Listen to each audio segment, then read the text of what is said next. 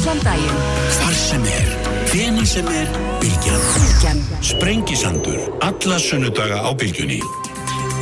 Sælilustendur höldum þá hér að stað á Sprengisandunum Karl Hjá Birgisson, Jón Óskar Solnes verða hér í blogþáttar fyrir þá vestur um haf þær verða hérna Sigriður á Andersen, Hanna Katrín Fridriksson og Bjarki Olsen Gunnarsdóttir, Þinkonur, Ólaur Arnald, professor Landbúnarháskólan verður hér líka hesti sérfræðingur okkar í jarfismálum en sestur í hjá mér Heiða Guðjónsson, hagfræðingur, fórstjóri sínar, velkomin Heiðar. Jú, takk hjá það Aldrei landsjóðan hefur komið. Já. Uh, hérna, uh, og gott að fá því aftur. Takk. sko hérna þú skrifaðir fyrir áramótin greinum innviða fjárhástingar sem ég aðeins mjög áhugaverðum sem hér var nýbúin að vera. Ólaður Sigursson fórstur í Byrtu, Lífurisós og talaði mitt um það hvað Lífurisóðinni væru ákafur í að setja fjármagnir sitt í arbæri innviða fjárhástingar og því tali nú bara daldi sama tungumálið í þessu og hérna en, en svona eitt af því sem er í annað sammeilegt er það að þið eru svolítið að kvarta báður í því að þetta skulle ekki hafa verið undirbúð og skipulagt miklu mun fyrr. Þannig að minn væru tilbúinir þegar að skóin krefti, er þetta ekki nokkurt svona? Jú, þetta svona tekur þetta ágætlega saman. Eh, Það má nú alveg segja fyrir síðustu alþykkiskostningar að, að þá eru allt í njög innviðir og innviða uppbygging eitthvað svona mikið orð sem var oft notað. Þannig að ég átti nú vona því að þessi ríkistjórn myndi gera skurki í þessum málum. Já. Um, á þeim tíma fyrir um fjórum árum síðan þá komuð samtökuð yðnaðarins fram frábæra skýslu sem var einmitt að kvarti við því hvað lítið fyrir hefði runnið í innviði frá hruni í raun og veru. Þannig að það veri uppsapnaður vandi og bara til að rétta þann halla þyrti um 400 miljardar síðan er þetta alltaf búið í hæginn fyrir framtíðina og þá þyrti annað eins og þarna voru þeir ekki að með eða taka með í reikningin eins og uppbyggingu uh, landsbítalans eða annað þýjunlíkt, þetta voru meira að minna bara ramags framkvæmdir og, og vega framkvæmdir og annað þýjunlíkt Já, flugvillir og þess að það Já, Og, og við sáum það náttúrulega í óveðrinu sem geisaði hérna, fyrir ári síðan hvað rafkerfið er orðið slaft. Uh, við sjáum það líka núna bara það er verið að skamta heitt vatn þegar það kólnar snögglega að þarna er pottubrotinn og, og það væri náttúrulega algjört fyrirtak fyrir til að mynda lífyrirsjóðina sem er, við getum verið mjög stolt af, eru gríðarlega stórir og öflugir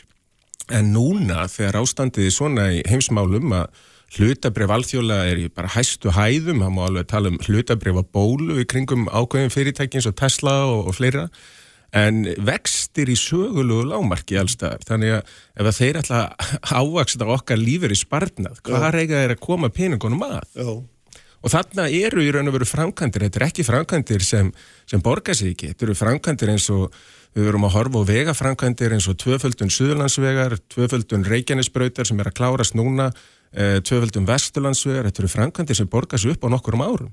Þannig að vextirnir eru vel yfir 10% eh, af mjög lítilli áhættu og ríkið á ekki kannski hægt um vik, þeir eru í öðrum málum uppteknir og, og það eru um að gera að nýta lífyrirsjóðina. já, einmitt, þannig að þú myndir segja að það væri svona dauðafæri Algjörlega. en mér skildist svona svona Ólafi að, að, að sko hérna, já, hann er, myndi segja að það líka væri dauðafæri en, en undibúningurinn er ekki komið það langt að þetta sé raun og veru aktuelt í augnablikinu það er, og þú nefnir þannig við þinni grein líka að hérna 2017-18 hefði minn þurft að setjast niður og, og velta fyrir sér framtíðinu hvað þetta var þar Jú, og samtökuðinarins og félag ráðgjafaverkfræðinga, þeir voru búin að taka saman þessa skýslu sem svo sem alveg listar upp þá kosti sem ætti að vera efstir á blaði og hvernig má fara í þær framkvæmdir, vegagerðin veit það, landsnet veit það, uh, dreifiveiturnar, vassveiturnar, þeir hafa, þessir aðlar hafa öll þessi verkefni tiltæk, þannig að þegar þessi skýsla kom 2017 þá var nú aðeins annar gangur í hagkerfinu og þá var rætt um það að það var ekki pláss fyrir svona mikla framkvæmdir en svo náttúrulega strax þegar var áfra á hausinn og, og hlutabriða, eða að ferðamennir fóru ekki að venja jafn mikið komið sinnar hingað og fóru að hæjast á eða hæjast um, að þá náttúrulega skapaðist mjög mikið tækifæri og ég tala nú ekki um í þessu árferði sem við búum við í dag. Já, einmitt. Þannig að hérna, og, og svona það sem er líka áhugavert það sem við varum að tala um í þessu samingi líka hvað menn svona, hvað þetta er mikið annarsflóks umræða um vegi og brýr og þar starf meðan allir eru hérna, horfa stöðut á það hvað við getum hérna, hvort allir geti ekki framleitt eitthvað app eða eitthvað en líka og mann ger ekki lítið úr því í sjálfum sér tæknibildingunni en það er svona Þetta er, mér sínist þú vera uh, í- vísi í það að þetta með ein, ein, einsleit umræða og svona horfi, horfi hérna ekki vítt út. Já, og þegar við horfum á og reynum kannski að finna, ég minnskosti finnst mér það frekar auðvelt ef ég ætti að segja hvaða maður hefði mest áhrif á síðustu öld á, á 20. öldina, uh, að það er Malcolm McLean, það er trukkabílstjóri í New Jersey, uh, það hefur að tæma hjá honum trukkin og, og, og handflitja hverja vörum borði í skip.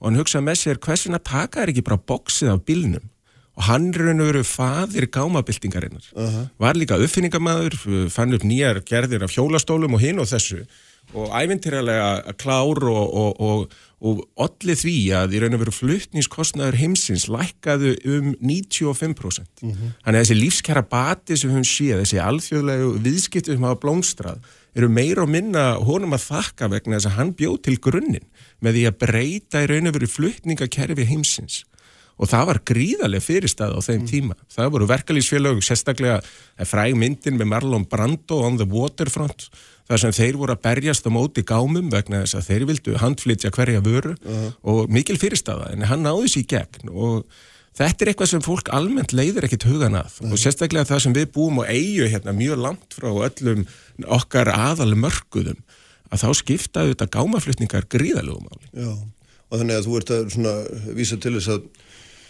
Við ættum kannski að líta okkur nær oft í... Já, og við þurfum ekki að vegna þess að við erum blessunarlega uh, mjög gott samfélag. Við þurfum ekki einhverjar flugeldasýningar. Það er hægt að gera þetta bara hægt og rólega og það er hægt að gera þetta bara með svona markvísum skrefum en þá skortir eins og við höfum rætt svolítið svona fremtíðasín. Já. Og ég til að mynda að horfi hérna á höfnina, uh, sundahöfn sem er orðið mjög ákjósanlegt byggingaland og gríðarlega verðmætt.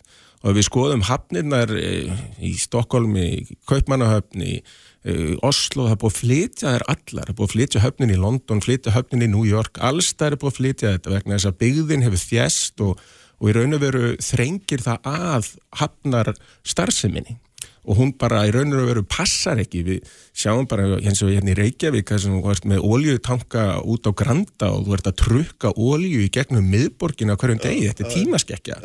En hvað er þá höfnin að vera? Ég minna höfnin getur verið á Vastleysuströnd það er mjög djúft svona djúp aðkoma og nóg bakland og ef maður hugsa svona fram í tíman, byrju hvernig að eiga þá vega kerfin í kringum þetta að vera mm. og, og, og þetta er eitthvað sem eru arðbærar framkvæmdir, bæta samfélagið og uh, taka tíma mm. og búa þá í hæginn fyrir hagvexti næstu hundrað ára. Já.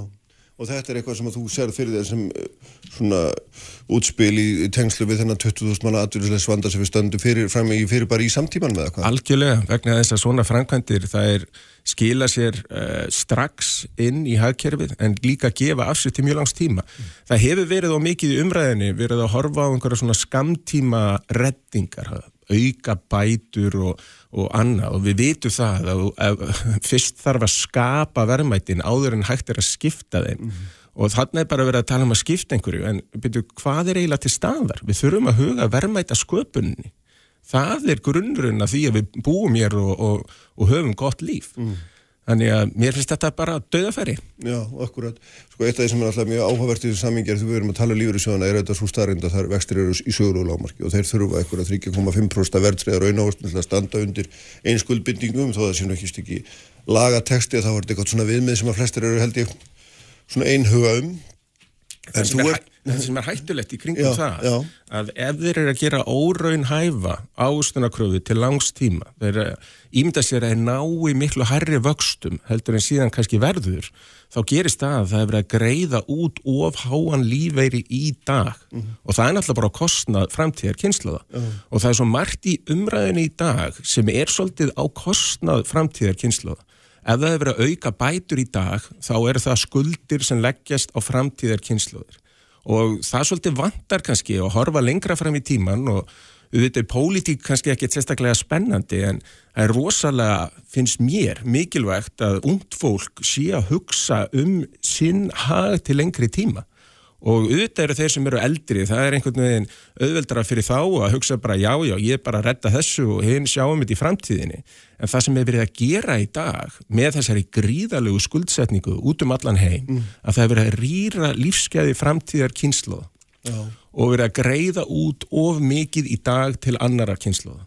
og þetta er bara umræða sem í raun og veru er ekkit byrjuð Nei. en mun verða held ég uh, mjög umfangsmikil. Og svo er annað að eh, það er oft verið að tala um ríkasta eina prósentið. Að með því að retta hlutabriðamörku, með því að vera alltaf að bæta inn uh, peningamagni í umferðum leið og eitthvað kemur upp á og prenta peninga, prenta peninga að þá er verið að hækka og hækka eignaverð. Þannig að þú ert að auka misskiptingu. Aha. og ef við horfum til framtíðarkynsluða þá er náttúrulega erfiðara fyrir framtíðarkynsluðir að, að sækja sér uh, auð ef það er búið á útdeilunum í dag með svona einskiptis aðgerðum sem er ekki fallnar til þess að, að auka verðmættasköpun til lengri tíma. En þú ert að gefa með þessu finnst mér bara hérna, aðgerðum ríkisinskja COVID aldrei langt nef ég meina þú er, þetta er, þetta er andkverfaðar eða áhrifa sem það á að hafa. En þetta er það sem er auðveldast að gera. Þetta mm. er það sem, það er bara, það er ekkert mál að kveikja á peningaprentvílunum. Það er ekkert mál, en afleðingarnir koma fram miklu setna. Mm. Og það er þá að kostnað setni kynsláð. Mm. Og ég minna, ég mynda mér að eftir 2, 3, 4 ára þá verður þetta mjög umfálsmikil umræða þegar við erum komin út úr versta uh, kófinu og mm. við sjáum svona fram í tíman að, að það er alltaf búið að skuldsetja öll uh, ríki hérna í kringum okkur, við stöndum betur heldur en ríkin í kringum okkur vegna þess að við tókum okkur virkilega á eftir hrun og bara hreinsuðum til Þannig að við munum ekki verða jafnslæmi málum e- eins og til að mynda Bandaríkin og Evrópusambandið og, og fleiri slíkríki sem eru komið skuldir langt umfram 100% þjóðaframlislu. Mm, mm.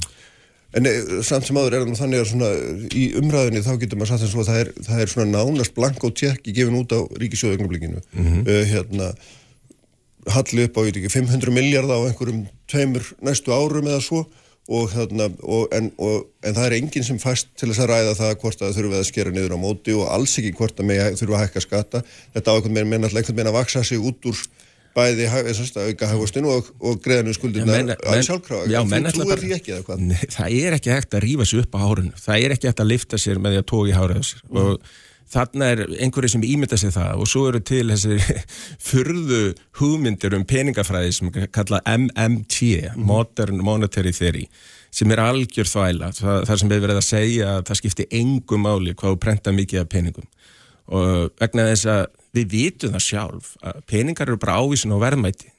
Ef þú ert ekki að auka við undirlikjandi verðmæti en gefur alltaf út fleiri og fleiri ávísanir, þá hljóta þær að falli verði. Mm en það er einhverju sem ímynda sér að það gerist ekki. Og við höfum nú séð alls konar mistök og alls konar tilraunir í, í peningamálum, bæði hérlendis og alþjóðlega. Og þetta er ekkert flókið, ég meina það, það er hægt að setja ímislegt í flókin búning og, og reyna að halda hinn og þessu fram, en í raun og veru snýst þetta bara um verðmættasköpun, þetta snýst ekki um peningaprentun, þetta snýst ekki um það að að eh, einhvern veginn sé hægt að, að komast fram hjá lágmálum hagfræðinar um frambúð eftirspurn og, og framleiðinni. En finnst þér þá að ríkið hafi farið eitthvað með skakt í COVID-19 því að þetta enginnist að því að grípa til bráðarástafana, greiða hérna, hækka aðunlega spettur, greiða fólki hlutabóta leið og svo framins og svo framins, þetta eru ríðalega aðgerði, hefur þið farið aðra leiða? Já, ég Ég er svo sem erfitt að sitja hér og, og, og segja hvernig maður hefði gert þetta vegna þess að ég er blessunarlega ekki að stýra landinu.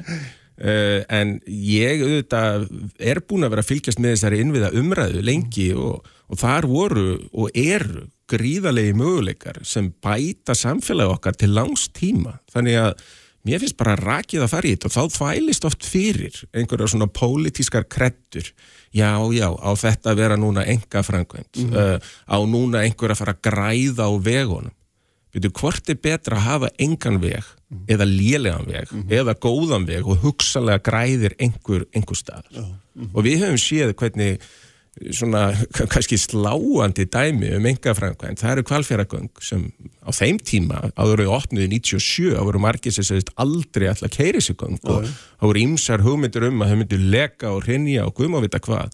En það voru engaðilar sem fór í þessa framkvæmt og hún var kláruð fyrir tíma og undir kostnæðar á öllum síðan er ríkisframkvæmt sem er miklu einfaldari, það er að gera göngi gegnum vaðlaheiði, það er ofanjarðar, það er ekki niðansjávar mm. En þar var svo illa að málum, hagað málum að vegarangundin þar, hún tók tvöfald lengri tíma og kostiði þrýsasinu meiri pening. Ég heldur þessi bara vegna þess að hver heldur á, á spaðanum, hafi, eða hver heldur á spöðunum, væri betra að segja hérna. Það hefur gríðarlega um álið að segja, ég meina, engaðileg sem verið að grafa svona göng, hann myndi gera bergmálsaransóknir, svo hann myndi ekki lendi í því. Mm að uh, fá allt í nau bara uh, vera inn í stærsta guði bara í Evróp. Lítur þá þannig á þetta ef, ef, ef, hérna, ef Heðar Guðjónsson fengi sér vinni og vegangeri núna það væri einhver allt annar Heðar Guðjónsson heldur en hérna, væri að reyka enga fyrirtækjum. Er þetta bara einhver allt annar maður? Eða? Nei, nei, nei, en það sem ég er að segja, ef það er ríkisframkvæmt, þá vita menn ef eitthvað kemur upp á, þá er alltaf þetta að sækja mér að fyrir.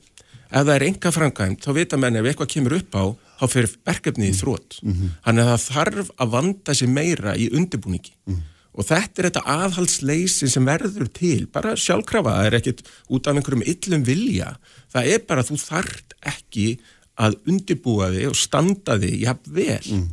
eins og ef þú hefur alltaf aðganga meira fjármagn Aha. En hvað myndir þú þá segja við sko skoðanarsískinni núna sem að reka allir með sjármálurandi og eru að stóra auka skuldur okkar og hérna vísaði minn í framtíðina, ég meina valla getur þú verið með kátur með, með þann hóp þá? Já, þetta er náttúrulega stjórnmál og, og það eru einhverja málamiðlanir en Já. út frá hagfræði og út frá bara fjármálum þá mm. blasir við hvað á að gera mm. en hvort að mennsju tilbúinir í slíkt við neittumst til að taka til hjá okkur eftir hrun og, og þar vorum við ímsir sem vildu bara skuldsetja landi þeir vildu skuldsetja eins og það myndi ekki kosta neitt þeir ætlaði að greiða upp æsef setja ríkisábyrð á það þeir ætlaði að greiða allt út til kröfuhafa, erlendra kröfuhafa til rækamasjóðana og bara taka lán í efrum til þess að hleypa þessum herramönnum út hvers vegna? En það var engin að hugsa um hvernig þetta hefði komið við pingju framtíðar kynslu. Mm -hmm. Það átti bara að retta þess. Mm -hmm. Þetta var óþægilegt, eh, leiðilegt og, mm -hmm. og það var auðveldast bara að skuldsetja framtíðina. En er þetta líka þessu tönnu saman? Finnst þetta að vera sambarlega aðstöð? Já, það er náttúrulega bara, ef við skoðum núna hvernig stjórnvöld alþjóðlega er að bregðast við, mm. það er náttúrulega, stjórnvöldamenn eru kostnir til fjóra ára og, og það eru oft kostningar oftar eins og við höfum fengið að kynast hér og það er aldrei erfitt að hugsa til langs tíma og þess að var sett inn þessi fjármálaregla sem er ágætt og hefur svo sem uh, og mun uh, tempra útgjald af þenslu hins ofinbera en við vitum að þegar þið ofinbera stækkar og stækkar þá er það á kostnað engaðila mm sem almennt eru miklu, miklu framleiðinari mm og þegar við erum að tala um að vera ábyrg og, og, og vera með svona sjálfbærni svona ríkisrekstur er ekki sjálfbær. Hann þrýfst á verðmætasköpun annara þannig að við þurfum að huga að þyrri verðmætasköpun. Mm -hmm. Þegar að núverandi fjármálar á að segja að það verður engin ástæð til að hækka skatta í framtíðinu út af því sem við erum að skuldsetja okkur núna þá hérna kviknar efansendamæðurinn í þér.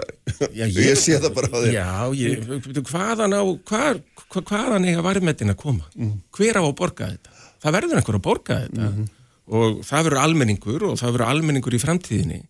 Og ég á nú vona því að heimurinn komi sér á betri stað heldur en hann er núna þannig að vextir á markaði hækki þegar framísækir mm. og, og þá er náttúrulega ennþá dýrar að skulda. Já, já Þannig að það skiptir miklu máli fyrir okkur og meðan vaksta umhverfið er þetta jákvægt, alþjóðlega, mm. að greiða niður skuldirna næstu ári, mm. bara eins hratt og við getum. Já. En myndur þú segja þá því að það er, það er hérna,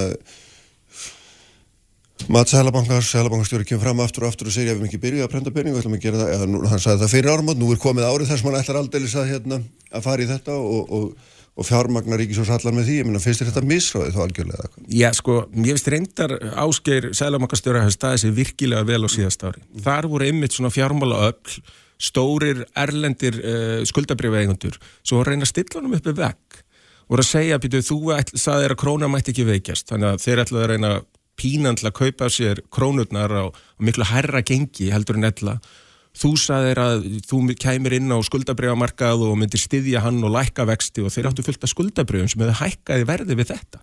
Hann let þá ekkert króa sér út í hotn og, og neyða til að greiða út á mikið. Hann leifiði krónuna veikjast mm. og tók það út á miklu lægra gengi. Hann leifiði vöxtum að hækka og fekk miklar ákúrur fyrir það en sparaði sko, þjóðabúinni miljarda með því. Þannig að ég held að hann sé að gera þetta mjög vel og mm núna eru vextir, þeir, þeir eru ekkert óhóflega háir, ekki á markaði og þó þeir séu bara það sem þeir eru núna til einhvers mm. tíma, það, það er ekkert hættulegt. Mm.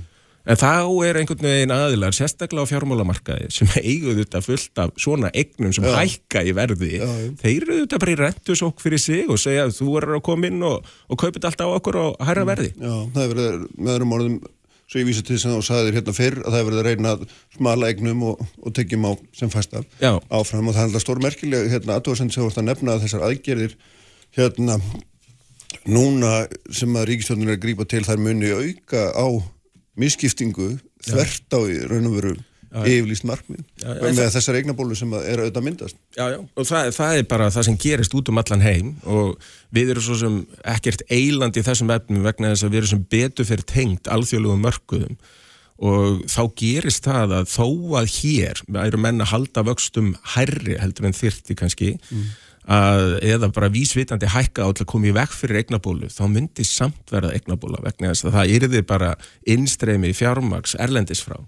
Og þá væri mjög erfitt að standa einhvern veginn ein og sér og ætla að reyna einangra hagkerfi frá því sem er að gerast allt í kringum okkur. En hvernig væri, ágætt að spyrja þau þá, spyrja þessum jafnamann, hvernig væri, hérna, hvernig væri best unni gegn þessum til að hljóta allir að vera sammálum að það að auka á mismunum er kannski, hérna, enn og óþarfi. Já, mér finnst eins og hlutildalánin sem að komið með núna, mér finnst það bara frábært tæki, frekar heldur en að greiða húsalegu bætur eða vaksta bætur að hjálpa fólki við að eignast sitt fyrsta húsnæði. Það mingar einhverja svona eigna miskiptingu og þetta er, þess- myndi ég segja náttúrulega langstæsta eign flestra heimila, bara flestra fjölskyldna er bara húsnæðið. Þannig að koma fólki í eigið húsnæði og ég tel að þeir sem búi í húsnæði, þeir eru þetta að hugsa betur um það. Milton Friedman sagði það þvær engin bílalögubíl, nobody washes a rental car. Og, og ef þú átt hins vegar bílinn þá hugsaðu vel um hann.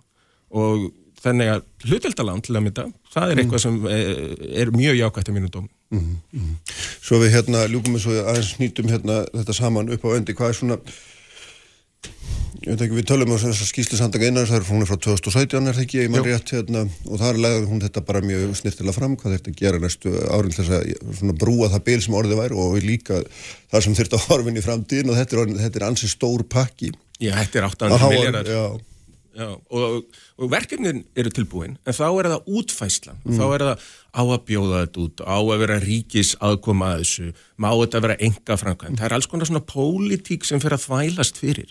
Þannig að í staðis að bara vinda sér í verkið setja þetta í gang að þá hyggstar þetta eða- eða stoppar út af einhverjum svona pólitískum kreddum. Og það er vandamálið. Sem að þú myndir skrifundur að er því viðvarandi eða hvað heldur Ég er bara því miður, ég meina það þarf svolítið bara að valda yfir þetta, það þarf svolítið bara að íta þessu í gegn, þetta er, það blasir við að þetta þarf að gera, þannig að gera með þetta. Ljómandi gott, takk fyrir heiðar. Já, takk hjá Gaman að hafa þig eins og hérna eins og jafnan, ég ætla að tala hér um allt annur mál. Því ég ætla að tala um jarfusmál og eftir við hann Ólaf Arnald sem er prófessor við Landbúnaðarháskóla Íslands Uppspretta frétta á Sprengisandi á Bylgjunni. Kraftmikil umræða alla sunnudaga. Sprengisandur á bylgjunni. Sælilustundu velkomnir, afsakið, byrjum að þetta Sælilustundur aftur, heiðar Guðjónsson farinn frá mér uh, hér eftir sessilega yfirferði yfir svona hækkerfið um sér framkvæmdir sem hægt er að ráðast í og, og stöður ríkisjóðs ekki síst svona inn í framtíðina. Alltaf aðdrátt að lausa heiðar um þetta. Uh, þeir verða hérna í lók þáttarkalt hjá Birgisson og Jón Óskar Solnes ætlum þá að fara vestur um haf. Þar verða það hérna líka hjá með Sigriður og Andersen Hanna Katrín Fridriksson og Bjarki Olsen Gunnarsdóttir, þá förum við svona aðeins yfir pólitíkina en engum að sérlega kannski tvö mál þar að segja. Annars vegar að það er hvort við eigum að gefa banka almenningi og hins vegar eh, ætlum við aðeins að fjalla um sótvarnir í samtímanu sem eru nú svo sem hætta nú ekki verða umdeildar svo víða um heimi sem við sjáum til þess að mótmælum í Danmörku og, og, og, og víðar auðvitað. En nú ætlum ég að fara hérna Nú ætlum ég að venda mínu hvað er krossinsrættur og stinga, stinga hérna, höndunum hún í moldina. Fara, fara til uppröðins að, hérna, að mold eftir komin og moldu skulle alltaf, aftur verða er, er nú sagt hérna, Ólafur Arnolds, professor við Landbúnar Háskóla Íslands er, er sestur hjá mér, blessaður og sæl og velkomin. Já, þakka fyrir. Uh, þú ert hérna okkar, þú ert okkar helsti sérfræðingur í, í jarvegi, held ég mér sem nú átt að fullir, það er alveg eru ekki margir aðrir. Ég nýta þess að við erum freka fá Já, doktor í jarðvegsfræðum. Og hérna og er búin að rannsaka jarðvegin á Íslandi um áratóa skeið og þarna. Og við vitum auðvitað allt þetta um landið fíku burt og allt það, þetta hefur auðvitað verið að skoða með öðru en, en nú ertu búin að skrifa hérna tvö nýrit um ástand lands og hrun íslenska visskerfa annars vegar og svo hins vegar uh, rit sem heitir lofslag, kólefni og mold. Og þetta er nú svona fyrir uh, leikmann auðvitað aldrei hérna svona já, margt sem þarna kemur fram og svona kannski maður þarf að tengja eitthvað með saman það sem er svona, ég veit ekki annars vegar þetta bara það að, að vistkerfin er að hrinja að þínum að því eftir áratuga rannsóknir þá, þá er þetta fyrirsögnin og, og hins vegar hvernig þetta svona landið okkar sko tengist þessari lofslags umræði sem ég er stáhugavert eða þetta maður reyna að tengja þetta saman? Já, þetta er það bara þannig að, að Íslensk visskerfi á stóran hluta hafa breyst afskalum mikið frá síðustlegum þúsund árum og uh, það er ekki endilega að bara hrinja núna, heldur að hafa verið að hrinja mjög langun tíma og misjaflega mikið á hverjum stað eftir hvar við erum í tíma og rúmi mm. en, en, en þannig að mjög stór hlut í íslenskara visskjörfa það má segja að það séu hrunin mm. Vandamálið er að, að við bæði fræðimenn, stjórnmálamenn og almenningur stjórnsíslásleis við, við sjáum þetta ekki við erum samdöina ástandinu mm. og við kallaðum þetta samdöina síki sem er er þýðing á erlendu hugtæki um, um shifting baseline syndrom. Uh -huh, bara meðvirkni getur við kallað? Já, það er meðvirkni og, og, og þar alveg hefur ekki verið tekist almenna á við vandamáli. Mm -hmm. En í þessari mold, í mold almennt í, í, á, í, á jörðinni er miklu meira af kólefni heldur en í, í andrúsloftun og gróður í sama lagt. Þannig að moldin er óskaplega mikilvæg fyrir þessi lofslagsmál, mm. koldvísiringin og allt það og við það að visskerfi hrinni að þá andaði upp uh, kólefninu sem mm. eru samt undirstaði frjósemi visskerfa og það sest að í andrúrsloftinu og stöðlar að hlínun í erðar uh -huh, núna uh -huh. og stór hluti þeirra loft, hérna gróðursloftegunda sem berst út í andrúrsloftið í dag kemur vegna landbúnaðar -huh.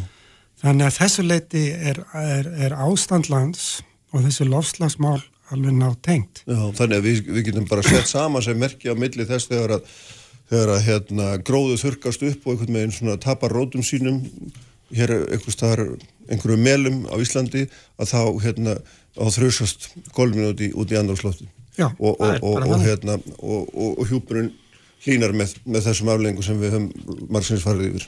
Já, og, og ef við tökum sem dæmi að sko Ísland í dag mm. losar eh, þegar við tökum álverðin og samgöngur og þetta sem er vennilega talið fram þá er eh, losun á Íslandi um það byrjum 5 miljónir koldvísirings ígilda eða eitthvað bara 5 miljónir tonna koldvísirings og eh, en ef við lítum til hvað þessi hnygnun visskerfa Íslandi hefur losað þá erum við að tala um 2000 miljónir tonna af CO2 þetta er bara allt önnu starðagraða mm -hmm. og þetta er náttúrulega yfir langan, langan tíma já. Já. en losuninni í dag frá þessum kerfum og þá erum við bæða að tala um uh, framræst votlendi sem að losa mjög mikið og svo mm. þessu landi sem ekki er í nógu ástandi að það má telja að svo losun sé ekki stórum millir 10-20 miljónir tonna sem er þá tvöfalt til fjórfalt meira heldur en öll önnur losun. Og það er svo losun sem við, við dveljum við sko, við, mm. við erum að breyta um eldsneiti, við erum búin að kera ram og spila í mörg ár mm. og svo framvegs en við höfum ekki alveg tekið hínum vandanum. Að því að við tölum eins og réttilega segir mikið um það er svona hvað maðurinn losar með sínum aðtöfnum, alls konar aðtöfnum framleyslu, neyslu hérna, og úrgangi og svo framvegis og hérna, þessari hringrásallri. Eh, en, en horfum ekkit á, eða mun minna á landi sem er þó losa fjórsunu meina heldur en, heldur en við gerum sjálfur en það, það er það sem það ert að og það fer sama við það að við viðhöldum slæm ástandi landsins mm. sem er náttúrulega bara mjög slæmt. Og það sem meira er sko, við niðurgreiða, almenningur niðurgreiðir nýting og viðhald á slæmu ástandi landsins. Býtu nú við þess, hvað meinar hún með þessu? Við greiðum til dæmis með söðfjárrektum 5,2 miljard ári eða 52 miljard á 10 árum mm. og uh, að hluta til að þá er þessi nýting á, mjög, á landi mjög slæmu ástandi og við heldur því að þetta land sé í slæma ástandi og sömstaðar beinlýnis er það stuðla að að landi fyrir aftur þannig, og, og þannig að losa Þannig að við erum að, við erum að þínu viti þá, sagt, þú horfir þannig á þetta að við sem að nýðu greiða landiðingu, það er það sem við erum að Já, gera. já, við erum alveg að gera það og það er alþjóðlegt vandamál að, að, að, að landbúnaða styrkir eru kannski stærsti einstæki undirleikjandi þátturinn fyrir viðhaldi og, og eyðingu á visskjörum jarðar og þar með meðal annars losun á koltusringi. Hvernig, uh, hérna, hvernig komast við fyrir þetta vegna sem hún alltaf augljóst að, eða augljóst að minnst, þú veist, eina af þeim kenningu sem er, er uppi um að að minka þessa losun gríðala með því að ganga betur um landið, með því að rækta þau upp, með því að auka skórakt, hérna, ræsa fram votlendi og allt þetta, ég meina þetta eru aðgerið sem eru korki mjög kostnaðar saman, ég heldur þannig sé mjög tímafrekar ef út í það er farið svona með margt annað. Já, þetta er allt, allt hægt sko og, og, og það blasir alveg við að við þurfum að, að endurheimta það votlendi sem sannlega er ekki verið að nýta til að búa til fóður, rækta tún eða, eða, eða í gardirki og svo frammeðis og það er óskaplega sko, stórt land og mikið losun sem fylgir því. Og þetta var ræst fram sko langt umfram allar þarfir einmitt meðal annars og koma þetta styrkjum, þetta var allt styrt og niðugreitt Aha. og menn gengu afskaplega hart fram en hins vegar má ekki horfa fram hjá því að þetta var til þess að landbúnaður á Íslandi gekk inn í nútíman og, og það við gáttum að fara að framlega meira okkar fæðu sjálfur og, og, og allt gott um það að segja. Er, og við erum ekki að tala um að það þurfa að móka honi þá skurðiði sem að við byggjum okkar landbúnað á en alla hina, við erum alveg sjálfsagt að taka það. En við þurfum líka að taka þessi söðfjór beitarmál sko hérna fastum tökum, við verðum að taka höfuð upp úr sendinum, það er bara þannig. Um, um, sko þetta er ekki atvinnugrein sem skilar þessum bændum miklu, þeir fá kannski helming eða minna fyrir kjöti í sláturhúsun heldur hann kostar að framleiða þetta. Uh, við, þetta er þetta er þetta ætti að vera dýr lúksusvara og, og svo framvegis og við verðum í framhaldinu því að endur sko okkar landbúna stefnu og færa hana af þessu landi sem þar sem að söfi á ekki heima. Hins vegar hefum við verið að tala um algrófu og fallet land sem er víða til á Íslandi, þá er auðvitað sjálfsagt að nýta það. Já. Og hófleg nýting með þess að getur á slíku landi getur sko stöðulað að kólennisbindingu. Aha. En er, sko, það sem er svona, það sem er, um maður flegir aðeins fram á aftur, vegna þess að við, sko, eitt af þessum stóru markmiðum heimsbyðarinnar er svo kallar kólumni Það þýðir að við, hérna, uh, bindum jafn mikið og vantarlega við losum. Uh, það verður einhvers konar, null, við nullum þetta út með einhverjum hætti. Og þá eru þessar aðgerðir á landi mjög skilvirkar og hraðvirkar, ef ég skildar rétt. Já, sko það að móka ofan í skurðinattur, það skilar bara árangri og nánast sko bara á, á nokkrum vikum eh, eða allavega fáum mánuðum. Já.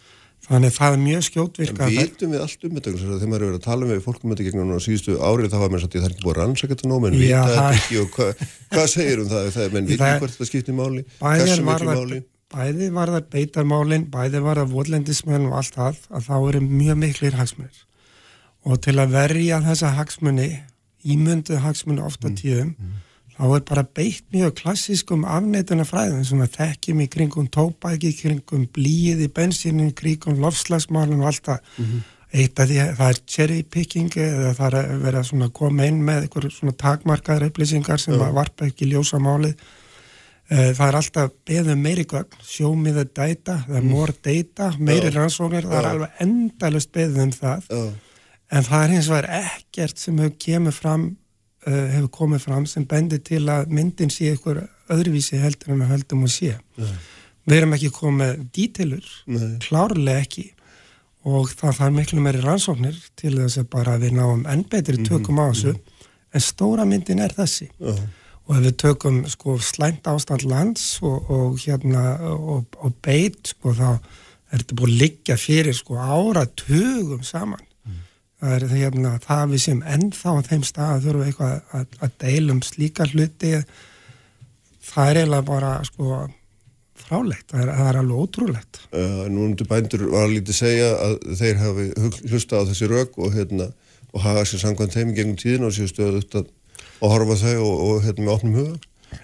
Já, ég held að það sé bara mjög mjög sent. Sumir eh, sko hafa, eru bara skilja ekkert í hinum. Það er mjög mismunandi hvernig bændur líta á þetta. Við þekki, ég þekki mjög marga bændur og mörgu svæðum þar sem aðstæður eru góðar sem finnst að þeir sem er að beita þessu ónefndi lönd á þjóðlendur sem ætti ekki ganga söðfí á, land sem við eigum, þeir finnst að skemma og eðilegja fyrir hinnum og það er alveg, alveg skjálfest í rannsóknum og en þær sem virkilega er að, að beita á þetta ónýta land þeir eru mjög fljótir að, að, að grípa til klassiskra afnýtuna fræða og, og, og leggja höfuð í sandin Mm. það er alveg, alveg ljóst umræðum náttúrulega og, og, og hérna og mingun útblástus getur við sagt, hún eins og við ræðum hérna þessu upp að hún snýst alltaf mjög mikið það sem menn gera sjálfur og miklu minna en það sem að náttúrun framliðir hérna, en af hverju er það? Þetta eru miklu stærri stærrið, miklu mikilvægir í raun og veru sko.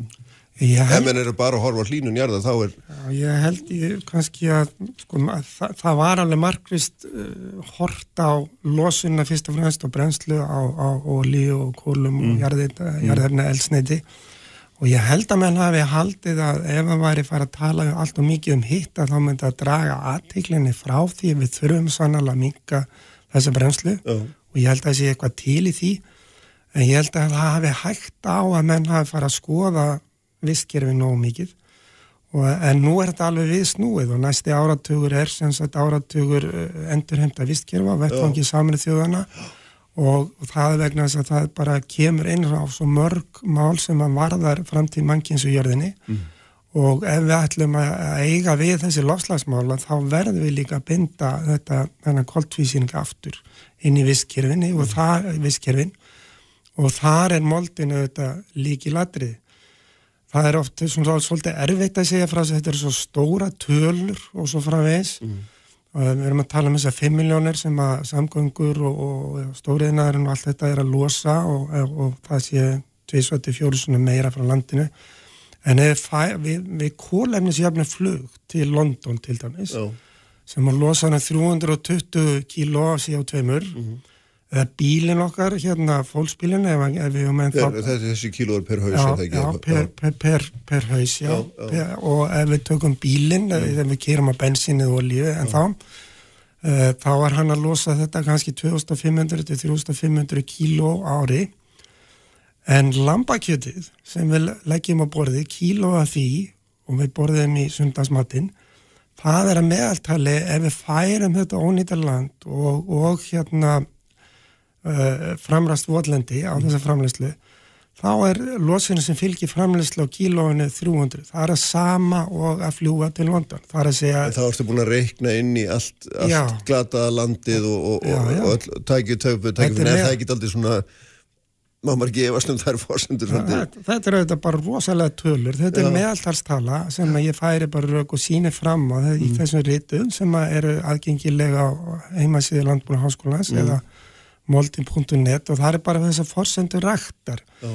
það eru örgulega mörg bú þar sem að er fylgir jafnvel framræðslinu kólefnisbinding þar sem er verið að heia á, á þurrlendi og, og land er í, í góð ástandi og jafnvel fer batnandi þá er þetta að binda. Þeir sem að heia engöngu á framræðstu vorlendi fyrir fjarnæðin og beita síðan á land sem er í slæm ástandi þar má vel færa rauk fyrir því að þessi tala geti farið alveg upp í þúsund kíló per kíló að kjöti sem að þýðir það að, að, að, að, að hérna lærið í sunnudagsmatinn er á sama skala og uh, heimilisbílinn allt árið. Þetta er náttúrulega ótrúlega tölur. Ég, hérna,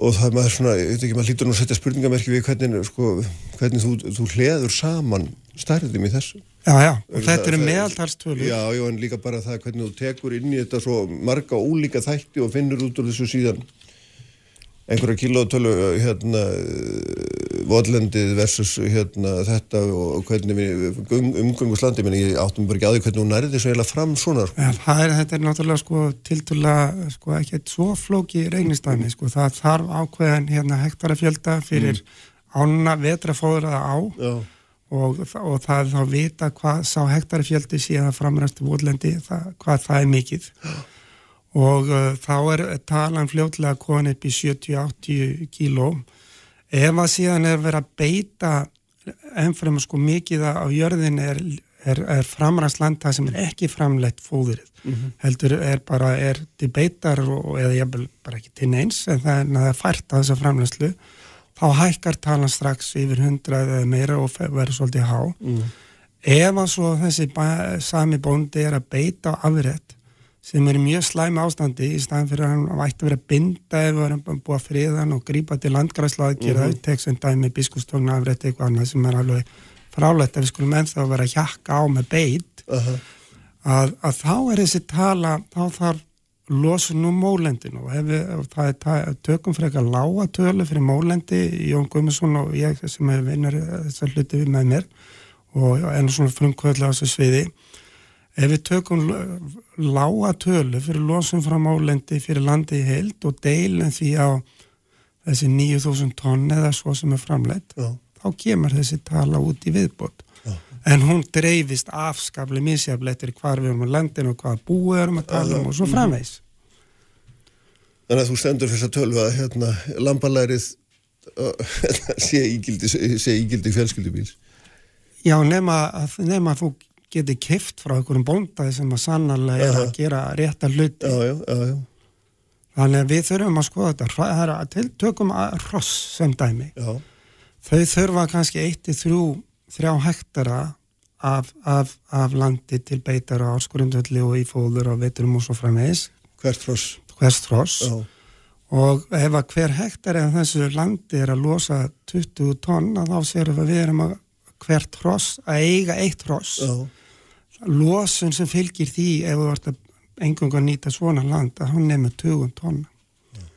þetta er eitthvað sem við þurfum að skoða Já. við þurfum að opna augum fyrir þessu þessu tölur eiga eftir að breytast fórsendinu þurfum að misjafnar á milli en það er alveg frálegt að við bara ætlum að ignora þetta og setja höfðið sandin áfram og, og láta þetta sé ekki mm -hmm. til þetta vandam að sé ekki til staðar En er umhverjusvend, skástur ykkur einhvers konar landvend, landnýting svona í skynsalögum aðeins út að lýsa hérna, uh, versus landbúnaðar er þetta bara einhverja andstæður í, hvernig hóðum þetta? Það ætti ekki all, alls ekki vera og, og það, þetta ætti alltaf geta farið fram við höfum bara lokað augunum fyrir þessu líka þegar að við erum að móta stjórnsísli í kringu landbúnaðin, í kringu styrkjagreðslu og annað, við borgum öllum sko jafna styrki hvort sem að sé verið að beita ónýtt land eða mjög gott land. Mm. Það er þetta bara, er ekkit vit í því.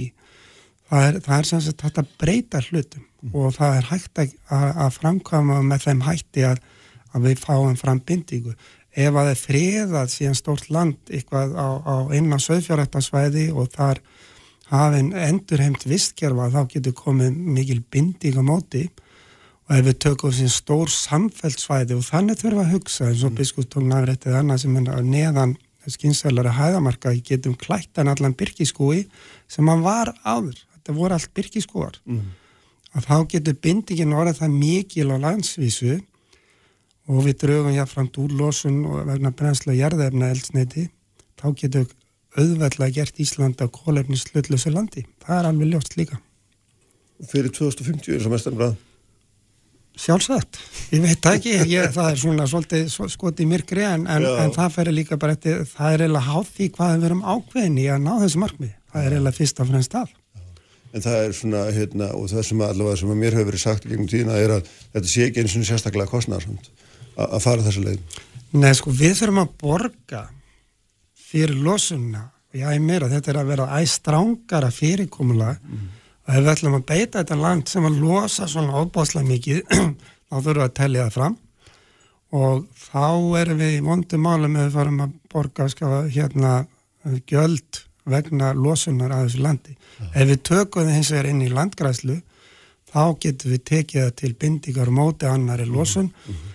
og Ég held í sjálfu sér sko að taka svona stór samfellsvæði til endurhemtur á visskerfum og selja þá bindingum með skýnsalögum hætti að þá getur það skapað atvinnutækifæri í hennu dreyðu byggðum sem að sko verið margvöld á það að vera hjakka með söðfí á þessu landi mm. það, og, og mjög margvíslega störf fyrir fræði fólk heima og, og, og framkvæmdir mm -hmm.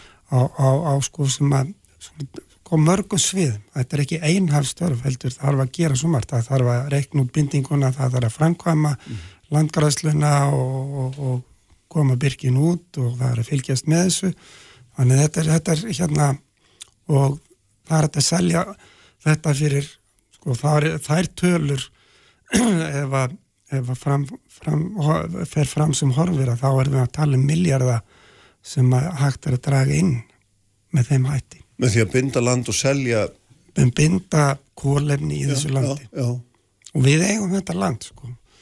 þjóðin á þetta land hverjum selur þetta þá? Er, er, sko, þjóðin á þetta land en, en, en sveitafélagin fara, fara með ábyrða á þessu landi oftast sko, skipla skildu og fleira og það var mjög auðvelt að vinna þetta á, á samfélagsgrunni inn í sveitafélagun mm -hmm. en þá þurfa að vikað út sko hverjir teljast svo kallar hagaðilar kakart þessu landi. -huh. það er ekki þessir örfáðu söðfjárbændur sem er að hjaka á því heldur er það þjóðun all og sérstaklega af aðrir sem er inn að þessara sveitafjöla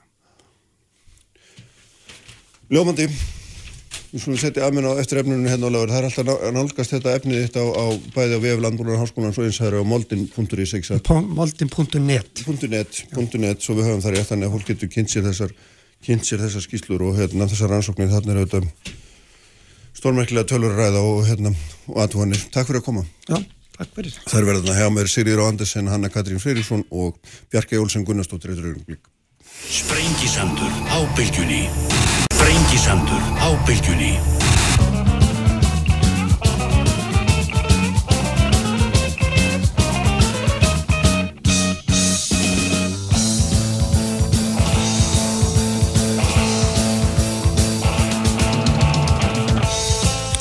Sæli aftur hlustendur, þá er við, Ólafur Arnalds farin frá mér auðvitað, e, prófessor við Landbrúna Háskólan og e, ég ætla að fara hér að vinni aðeins aðra Salmasýrjur á Andersen og Hanna Katrín Fridriksson eru sestar hérna hjá mér.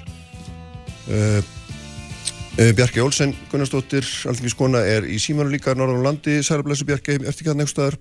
Jú, komið sæl, góðan dag. Já, blessu, sæl, góðan dag og velkomna báða tvær Hanna Katrín og Og Sigriður, uh, það er eiginlega kannski svona ala tvent, hérna, áhugavert alltaf þessi hugmynd sem að þú varst nú svona endurvekja Sigriður um, um hérna, það að gefa almenningi banka, þetta er nú alls ekki ný hugmynd, þess að hún nefnir nú sérstaklega sjálf og þetta er hugmynd frá, líklegast frá Eikon var það ekki, Eólfi Konrad einhvern tíma á sínum tíma og var auðvitað töluðist í umræðinu fyrir 20 árum þegar það verið var að enga veða þá banka sem við áttum þá saman, hérna, að þið fóru í ringin og aftur tilbaka til ríkisins, en bara í östuttum, hva, hvað sér þið fyrir, þetta sé, sé heilbanki sem er gefin hverjum og einum, bara hlutabyrjónu skipti 300 úr sluti eða hvernig, hvað, hvað ert í raun og verið?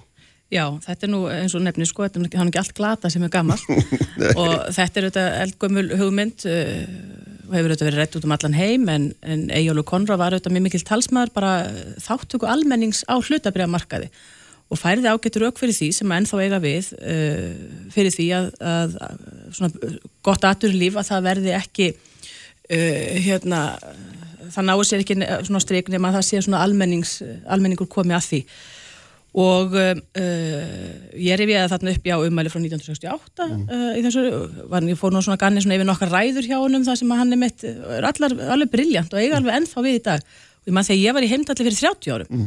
þá uh, tók ég þetta nú líka upp til um, umræðu á þeim vettvangi. Og síðar þegar ég myndi bankatinn svo nefnir voru enga vætir á, á sínum tíma að þá kom þessu umræðu upp líka. Pétur Blöndal held þessu mjög ofta en einhvern veginn Uh, fór þetta nú ekki eh, lengra og ég hef nú svona starfsmenni fjármálarandur grunað um að helst standa gegn því að því auðvitað skilji það að þeir standa fram með fyrir einhverjum Excel-skjölum og vilja bara fá okkur pening í, í, í selluna í mm. Excel-skjölinu og það er svolítið kannski auðvitað líka það sem að blasir við okkur núna, við erum að fara að selja, það er búið að taka ákvörðunum það, selja nú 25%, losa ríkið 25% og það fyrir sölu og menn er að sjá fyrir sér að það getur kannski verið 30 miljardar ríkisjóð mm. og, og við höfum alls skilning á því og það þarf að einhvern veginn að, að stemma bækurnar.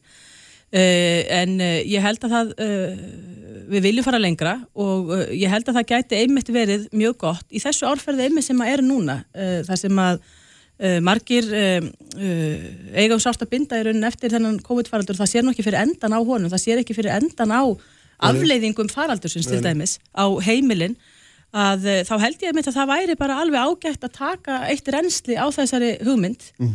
uh, með þeim hætti að samlega þessari sölu að þá verði uh, svona verulegum hluta í þessum banka. Ég myndi þetta bara vilja taka allt og varpa þessu bara öllu, taka þetta allt frá ríkinu og koma þessu í hendur millilega löst til almennings en uh, það sé nú bara útfæslu atriði. Uh, 50% eða 25%, önnur 25% er þið dreift uh, til uh, hérna, landsmanna. Uh, ég held að það geti bæði styrst stöðuna uh, fyrir söluna. Uh, það átt eftir að ákveða eitthvað útbóðsgengi og uh, ég held að þetta verði í mörgu tilliti bara í svo, í, frá margvíslegu sjónarhórni hérna gott.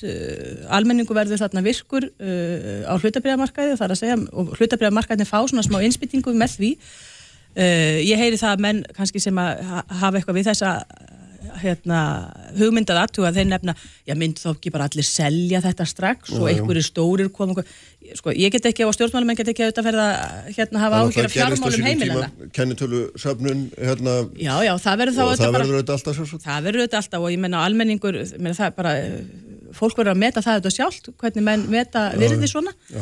en þetta held ég að væri hugmynd og aðalættir það ég beini því núna til efnars og viðskiptarnemndar sem að uh, hefur þetta málunum til umsagnar þessa vikuna, nú hef ég störf á morgun, já. þinginu. Og það er þessi vika sem efnars og viðskiptarnemnd hefur til þess að veita fjármálar á þeirra umsögn um þessa sölu.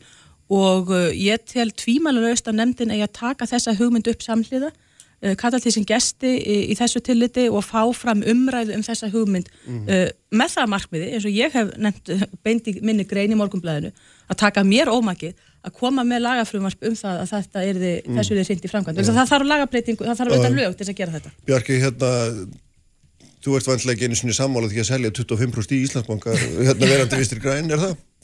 Jú, jú, það viðum alveg álíktaðum það vinstri græna að uh, við viljum eiga eitt banka, þar þegar ríkið eigi eitt banka og Já. það hefur verið landsbankin fram að þessu sem að hefur verið nefndir í því samhengi.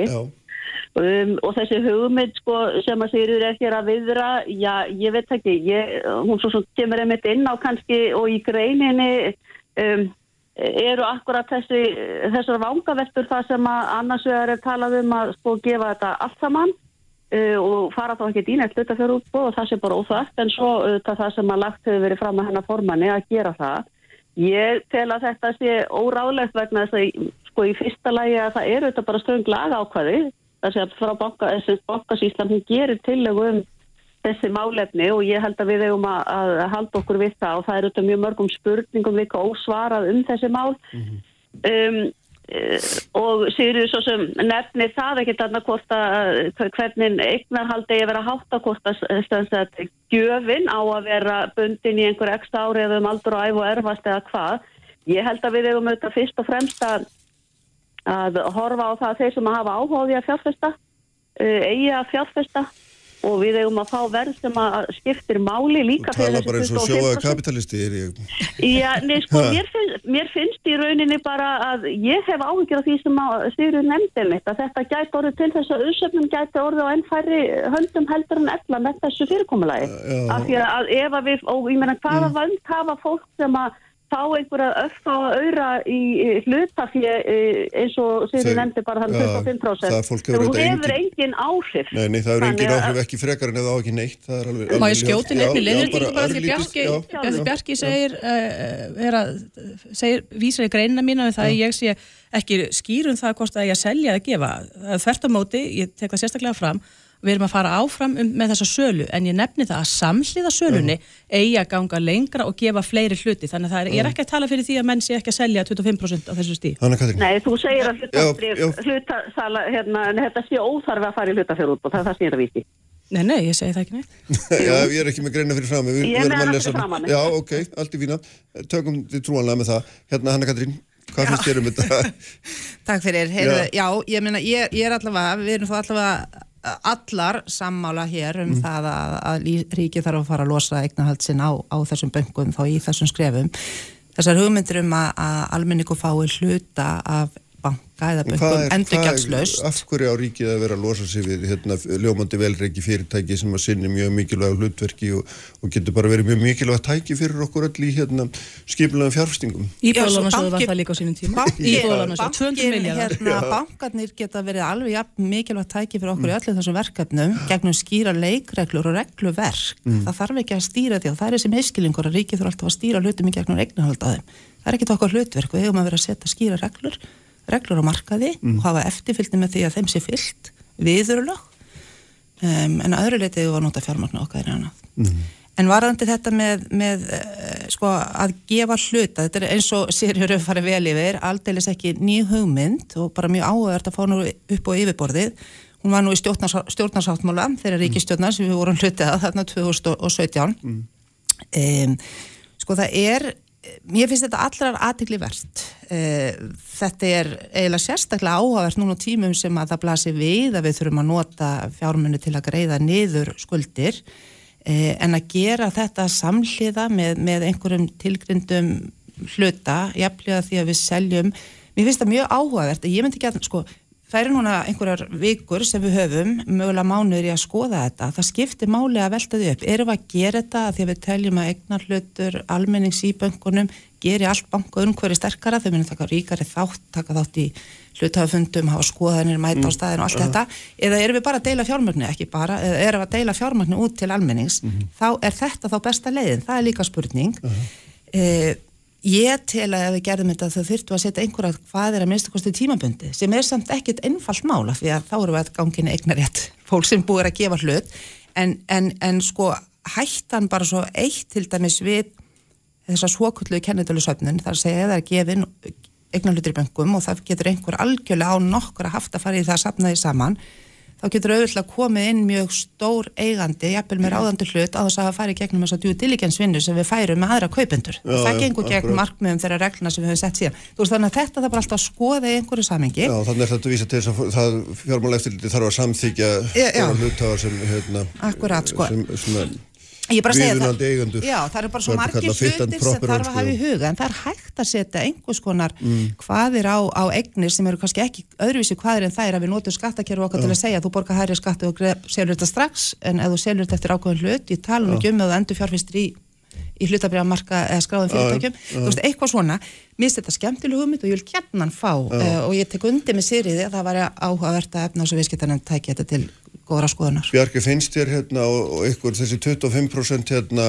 er það eitthvað svona, er það einhver efri mörk í þínum huga eða á svo að halda áfram? Hvernig sér þú þetta fyrir þér? Ég, við höfum svo sem í fyrsta lagi bara sko rætt á, á þeim nótum að stelja ekki nema við fáum viðunandi verð og þessi 25% það er það sem er heimilt fyrir og uh, það er sjálfur sér uh, ekkert annað sem er á borðin í augnablikkina á okkar halvu uh, af því að þetta er uh, fyrst og fremst gert eins og hér hefur verið rakið þess að, að auka lausa fyrir hjá ríkisjóðu og það kemur öllum landsmönnum vel vegna þess að það er ju eitt af því sem við þurfum að halda inn í, inn í ríkisreksturinn núna og við getum þá líka sett á fjármunni þanga sem að kannski mest er þörf þannig að á þessu kjörstjánbili er ekki gert ráð fyrir meiru heldur en þessu og það á svo bara eftir að koma í ljósporta mm. uh, skynsælet verður talið að losa sig við uh, bankan alfarið en eins og ég sagði í máli mín áðan að þá uh, er, er hérna hefur hafa vinstur græna álíktað um það að, að eitt banki verði alfarið í eigu uh, hérna, þjóðarinnar og við höfum líka þetta, þetta með aðskilna við, viðskipt á fjárfestingabank og annars stíkt. Það er svo margt í þessu regluverki sem að, að þar var svona uh, og hefur auðvitað lengur konar tíma á að endur skoða. En ég tek undir með hannu Katrinu hvað varðar þetta. Það er margt af því sem að uh, er í þessari hugmynd sem að sérir ekki að endurvekja sem að uh, þarnast skoðunar en fyrst og fremst hef ég þetta bara áhyggjur af því að þetta verði ekki þannig að almenningur um, segja, verði hinn virki hlutafjár eigandi í bönkunum vegna mm. þess að hlutdeildin er svo lítil og þá er þessi afleiða sem að þó að við setjum einhver skilir um einhver þrjú árið eitthvað og grípum þannig utanum það að þá getur fólk sett og annars líkt að þá verður þetta á, endanum í höndum einhverja sem að eru þá að fá í rauninni kannski hlutin frekar ódýst heldur en ef við förum þetta í opið hlutafjörðútbóðin sem við erum að gera núna. Mm, Heiðu sko, ég held að það sé eitthvað mískilingur og aðleipæði hlutafjölaða formsins og hlutabriða markaðarins, það sem hér kemur fram. Nú, á, nú ætlum við að selja 25%. Við höfum enga stjórn á því í hvaða hendur þessi 25% fara menn geta stýrt í og ætla að selja kannski upphafi einhverjum stórum í einhverju upphæði svo tökum Æslandi er útbóðum daginn sem dæmi, fjöldi einstakling sem tók þátt í því útbóði og líka einhver kjölfestur fjárfestar. En kjölfestu fjárfestarnir daginn eftir að þeir hafa undan hendi kaupgreðslu fyrir þessa hluti þá geta þeir farið að selja þessa, já, já. þessa hluti eins og þeir vilja. Já, þess vegna til alls almennings. Þess vegna getur við staðið uppi með 25% Eh, í afbrið skiptingu eh, allra landsmanna ef að seljendum hugnast það. Þannig að þessi umræða er einhver, miskilingur og óþarfa áhyggjur líka. Það er auðvitað þannig á eðli hlutafélaga að menn uh, taka þátt í því hlutafélagformi vegna þess að kostir þess eru að það mm. er ábyrða leysi. Menn leggja bara fjö inn í reksturinn og taka uh, áhættu með reksturinn bara með fjö sínu, engu öðru. Og mörgum hugnast það er mitt mjög vel að taka þátt í því, að vona á einhverjum arði, fela einhverjum öðrum stjórnina sem þeir trista út af það ganga hlutafafundirnir, uh, það sem menn kjósa sér stjórn. Og þetta er nú bara mörg hundru ára uh, saga og reynsla sem mm. við á Íslandi höfum og aðrir í heiminum og gengur bara alveg ágætlega. Og ég held að menna ekki að vera vantrista þessu formi eða vantrista almenningi svo mikið. Og því þú spurði Kristján, mm. akkur á ríki að losa hérna sig út úr böngunum og af svörum hönnukatina sem að mér heyrist þó að sé nú nær mér í þessu heldur en kannski Bjarki og ég held nú kannski að ég að Bjarki sé nú alveg, alveg nær mér finnist bróðið rennandi skildunar einhvern veginn að hafa þetta hornum sér að þá held ég að endur speklist þeim til svörum þeirra uh, svari við þessu akkur á ríkja losna vegna þess að þess að tæknilegu hérna, tæknilegur vangaveltur og, mm. og er allt svo erfitt og kompjútor segis nóg og svona þetta er í eðli stjórnmála mannana og ríkisins þegar það kemur að rekstri fyrirtækja. Mm -hmm. Það er bara allt svo erfitt og þetta er allt svo flókið og allt bara óeyfistíganlegt. Nú ganga bara bankandi bara mjög vel, Sigriður, hérna, þeir eru bara mjög vel reygin fyrirtæki í þó þeir séu eigur ríkins. Þeir... Ég, ég, byrju, ég hef ekki séð það sem landsbankin sem hefur verið eigur ríkins stanslöðs frá 2008 mm. hafi verið nokkuð verið reygin heldur en hinn tveir og það, það hafi verið annað eignarhald. En heldur þú til dæmis að kannski að enga aðlar hefur ráðist í svona stórkoslega fjárfestingu í, í húsabyggingum eins og landsbankin var að gera núna? Já, uh, ég, meina, ég veit ekki eh, horfum í íbúðalansjóð sem að var svona ja. einhver hérna mm. gullkálfur átt að vera hérna á, til, að, til aðstof fyrir almennings. Við sitjum núna uppi með 200 miljardar skuld gat ja. sem að var bara sett á ríkisjóð bankar og fjármálafyrirtæki er að breytast núna. bankar, ég, ég, ég ætla ekki að spána fyrir um hvernig bankar verði í framtíðin eða rekstur, ég veit bara að þetta er allt saman að breytast. Og, uh, og það er ekki þar með sagt að þótt að fólki sem þarna starfi á þessu ríkisböngum þótt að því takist auðvitað að reka bankan alveg ágætlega að halda sjó mm. að það e, sé ekki að það geta, gera betur en ég ítreka hins vegar eins og ég ger alltaf þegar menn er að tala um engavæðing og engaregstur það er auðvitað engin ávísun á eitthvað frábæran regstur þótt að sé engaðal mm. það, það er einmitt gullið í hlutafélaga forminu og gullið á hennu frjálsamarkaði að þar þurfa menn bara að standa frammi fyrir mistökum sem mm. þeir gera, en það mm. gerir snabla ekki þegar það er ríkisregstur. Já, já. Já, nei, bara, það er akkurat þetta sko, við verðum líka að horfa til því samt sem áður upplegi hér, það er að gefa bankan annars vegar og svo bara fólk fjárfest og setja sitt eigið fyrir í eitthvað á Já, á ekki fólkið hennar bankan úr þegar Það er, það er, það er þetta ólíkt, en ríkið er að taka arðin sem að hér er nefndur, það er að segja að þetta bankanir eru velreknir og ráðstafa þeim það sem að talna mest þörf Það gerur þetta ekki ef að hver og einn bara getur svo látið sinn hlut eins og honum hendar og ég, það er það sem að ég er að reyna að koma hér að. Uh, uh, og ég vil líka segja þegar minnst er hér á áfestingar landsbankans og annars að Íslandsbanki er nú búin að vera í daldinn tíma líka í okkar eigu og hefur verið vel regnins og Kristján hér nefnir. Þannig að þess vegna telja að það veri líka stíga varlega til jarðar þegar við erum að selja og þess vegna eh, er þessi 25% kannski skrif sem að við sjáum þá, ok, er þetta hérna fáum við gott verð og uh, svo verður þetta bara að skoða framhaldið í því samhengi. Mm -hmm.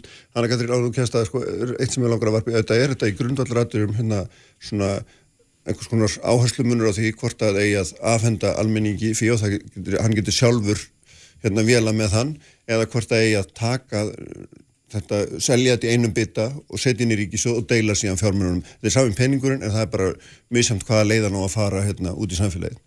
Algjörlega.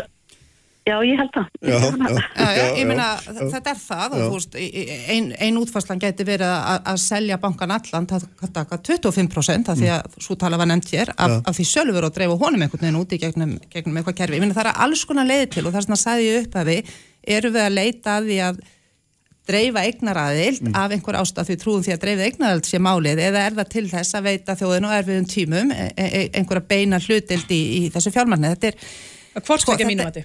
Ok, já, já. En, en sko kannski vantar hérna inn í líka stóra málið að því að, að hér er talað um gullið í, í hlutafélaga að- að lögunu sko, hérna við höfum alveg reynslu af því fyrir ekki svo löngu síðan að það er eini sklópagull, við þurfum líka að huga að því að þetta sé gert í viðtakri sátt þess að það skiptur umræðan máli og, og ég held að, að það sé mjög mikilvægt að við byrjum og gæfi til þess að vera eins sammálu um aðferðafræðan og við getum verið áður um við förum út á, á stað með þetta. Það, það, það, sporin hræða og þetta er viðkvæmt og ég áttam á því og ég er ána með það að við höfum notað tíman í að fara í grundvalla breytingar og regluverki og ég er róleg með þetta svo lengi sem við höldum haus. En við, ég bara að segja, ég held að við þurfum að að fara hérna og þá er ég ekki endilega að tala um þetta með dreifða eignarald og, og gjöf til þjóðarinnar hver sem sá hlutur er, heldur bara söluna alla að, hérna eh, það verður þrosku umræða hjá okkur. Uh, og mann forðir skýfur yfir, yfir báðar áttir. Þetta, þetta er stort, mér finnst þetta að vera ákveðin próst þetta á hversu vel við höfum unnið á málum og hvernig við gerum þetta, þannig ég er, er spennt yfir þessari eh, vinnu núna á næstunum, þannig að ég tel þetta sé mikilvægt fyrir okkur og við þurfum þennan pening. Má ég aðeins hérna, hendi ykkur aðeins í eitt annað vegna, hérna, einhverja mínútur, sko, það er þetta eiliga mál með hérna sótvarnirnar og, og þú nefndi það nú Sigriður á hana, hérna, það væri alls ekki séð fyrir endan á þessum afleðingum koronaviru faraldsins og, og hérna nú erum við, nú síðast vorum við að hérna, erum við, sjáum við það að við erum kannski komin ágæta stað sjálf en, en heimurinn í kringum okkur er allur að hérna, fara í verri veg einhvern veginn og, og, og þarna og, og maður svona velti fyrir sér sko síðan á- ástæður, ástæður eða afleðingar þess eru það að við ætlum að, til að, að fara að halda áfram þessar tvöfaldu skimun eftir því sem ég sýnist að vera tilúðunar en því að það færði þjónustan næstu vikur og mánuði fær engar bókanir af því að það er fyrir sánlegt að enginn að býða hér í fimm dagi sótkví til þess að fara svo í vikum landið ég held að þessi, ég meina, erum við að dæma okkur leik fyrir sumari, hvernig slæri þetta ykkur ef þú byrja sýrjur? Já, einhverju leitið. Sko, það sem ég hef nú verið að gera og gerði síðast á alþingi, kallaði eftir e, fyrirspöndum tíma til heilbriðsáþara, spurði hana hvernig henni litist að það að eh, gera bara öll gögn í þessum málum, bæði lúta sóttvarnaraðgjörnum, mm. lúta bólusetningamálum, ofinber. Það er bara allt byrt, fundagerðir og samtöl sem menn hafa átt og bara þannig að menn fái aðeins yfirsýni við það hvernig þetta hefur verið unnið og hvaða forsendur það eru að baki öllum ákvörðunum. Um, hún svaraði því til að það væri minnisblöð uh, sótandalækni sem það væri fyrir. Það er gæld að vera svo langt sem þau ná vegna þess að minnisblöði, til dæmis það síðasta sem að núna er til grundvallar þessum aðgerðum sem að núna eru segir auðvitað ekkert um það og er ekkert upplýsandi um það hvaða fórsendur liggja baki þessum ákvörðunum. Þú nefnir tvöfaldarskimununa, uh, ég hef bent á það að uh, sko þegar tvöfaldarskimunum var sett á uh, í haust, nei, í ágúst, þá heldur allir að, að þetta var alltaf búið, það var mönnum var veitt fálkaorðan og blóminn voru dre- dreifð út um allt og, alþingi var, var mörgum svo þakkað fyrir að þið flettu upp í ræðum alþingi sem hann á síðasta ári. Þá held ég orðið ég þakka sem komið þar mest fyrir af öllum orðum. Og það var klappað og klappað. Eh, svo gerist það mánuðu setna að það kemur ykkur rosalega bylgi og við lendum í þessar annari bylgi sem allir aðrir að lenda í. Þannig að uh, tvöfaldarskimurinn hafði voða lítið að segja og ég hef kíkt á rýndaðins gögnin með, með, set, með setni skimurina með setni skimurinn hef ég rýnt aðeins í gögnin og í, í haust að þá eh, er ekki að koma upp uh, það mikið af tilfellum í setni skimurinni uh, að já, þau eru bara pari við eh, greind tilfelli innanlands eh, sko anyway eins og maður segir að hvort það er Uh, ég held að það skipti, myndi skipta ferðarþjónustur mjög miklu máli að hverfa úr þessari eh, hérna, einangrun og sóttkví á milli tvekja skimana í heima smittgátt eins og var hérna fyrir ágúst. Uh, og ég myndi vilja fá aðeins umræðu og upplýsingar um það hvaða leiti menn ætla að halda sig við þessa uh, einangrun hérna í því. Mér finnst vanta bara heilt yfir svo ég stytti þetta Já. heilt yfir þá finnst mér ennþá svo vanta svo óbúslega mikið upp á uh, gögn í þessum máli uh, til upplýsinga fyrir ekki bara alþingismenn heldur bara líka alla aðra, menn er að tala um að gera uh, þegar þau öll eru búið þá verði sett ykkur rannsókn í gang og svona ég tel það ekki til velfarnanfalli, ég vil bara þetta sé bara allt opið fyrir öllum til, til þess að allir geta átt að sig á þessu, bara og eins og lifjafyrirtekin hafa verið að gera með að opna sína gátti þetta þurfa að gera. Uh, og mér finnst uh, til dæmis umræða núna um það að það að Nei, tvöldaskimun, hérna, eins og er ekki í dag, það er valkvægt. Man geta valið á myndi þessi eða 14 dagar sótkvíl. Uh, og jafnvel það að allir sem að greinist með eitthvað tiltekið afbrið, það maður nú kalla þessa veiru núna öllum nöfnum og kenna hana við öll lönd nema Kína sko og nú er breska afbrið orðið að vestaföllu og, og þeir þurfa að fara í farsóttarhúsið sko þessi umræða finnst mér orðin svolítið stjórnlaus reynda fyrir löngu, það eru þetta engin lagaheimilt fyrir svona mm -hmm. ákvarðunum sko Þannig að uh, þetta uh, finnst mér allt saman vant á enn þá er ekki búið að breyta sóttvarnarlögum sem að þó var hveðið á um það uh, að kalla eftir einhvern úrskurðum það Já. að það væri mjög brínt að breyta sóttvarnarlögum til þess að stóða myndir þessar aðgerð. Aldrei merkildi í Danmark eru að breyta sóttvarnarlögum og það er verið að taka völdin algjörlega af sóttvarnar yfirvöldum og færaðu öll í hendur og stjórnmálmennum. Mm -hmm. Það er, Já, er nýjasta til að... Já, í þingi, sko, það, það er það sem er og, og svíþóð líka og það er þannig það er reynda verið að veita sóttvarnar yfirvöldum uh, ákveðnar heimildi neyðar ástafanir en það er þannig þó tekið skýrst fram að það þurfa að bera þær ákvarðanir innan ja. tveggja vikna undir lögjafan. Bjarki, hva, hvernig, hérna, hvernig hugnast er þessi staða sem við erum að lýsa? Hérna, erum við að fara í rétt átt?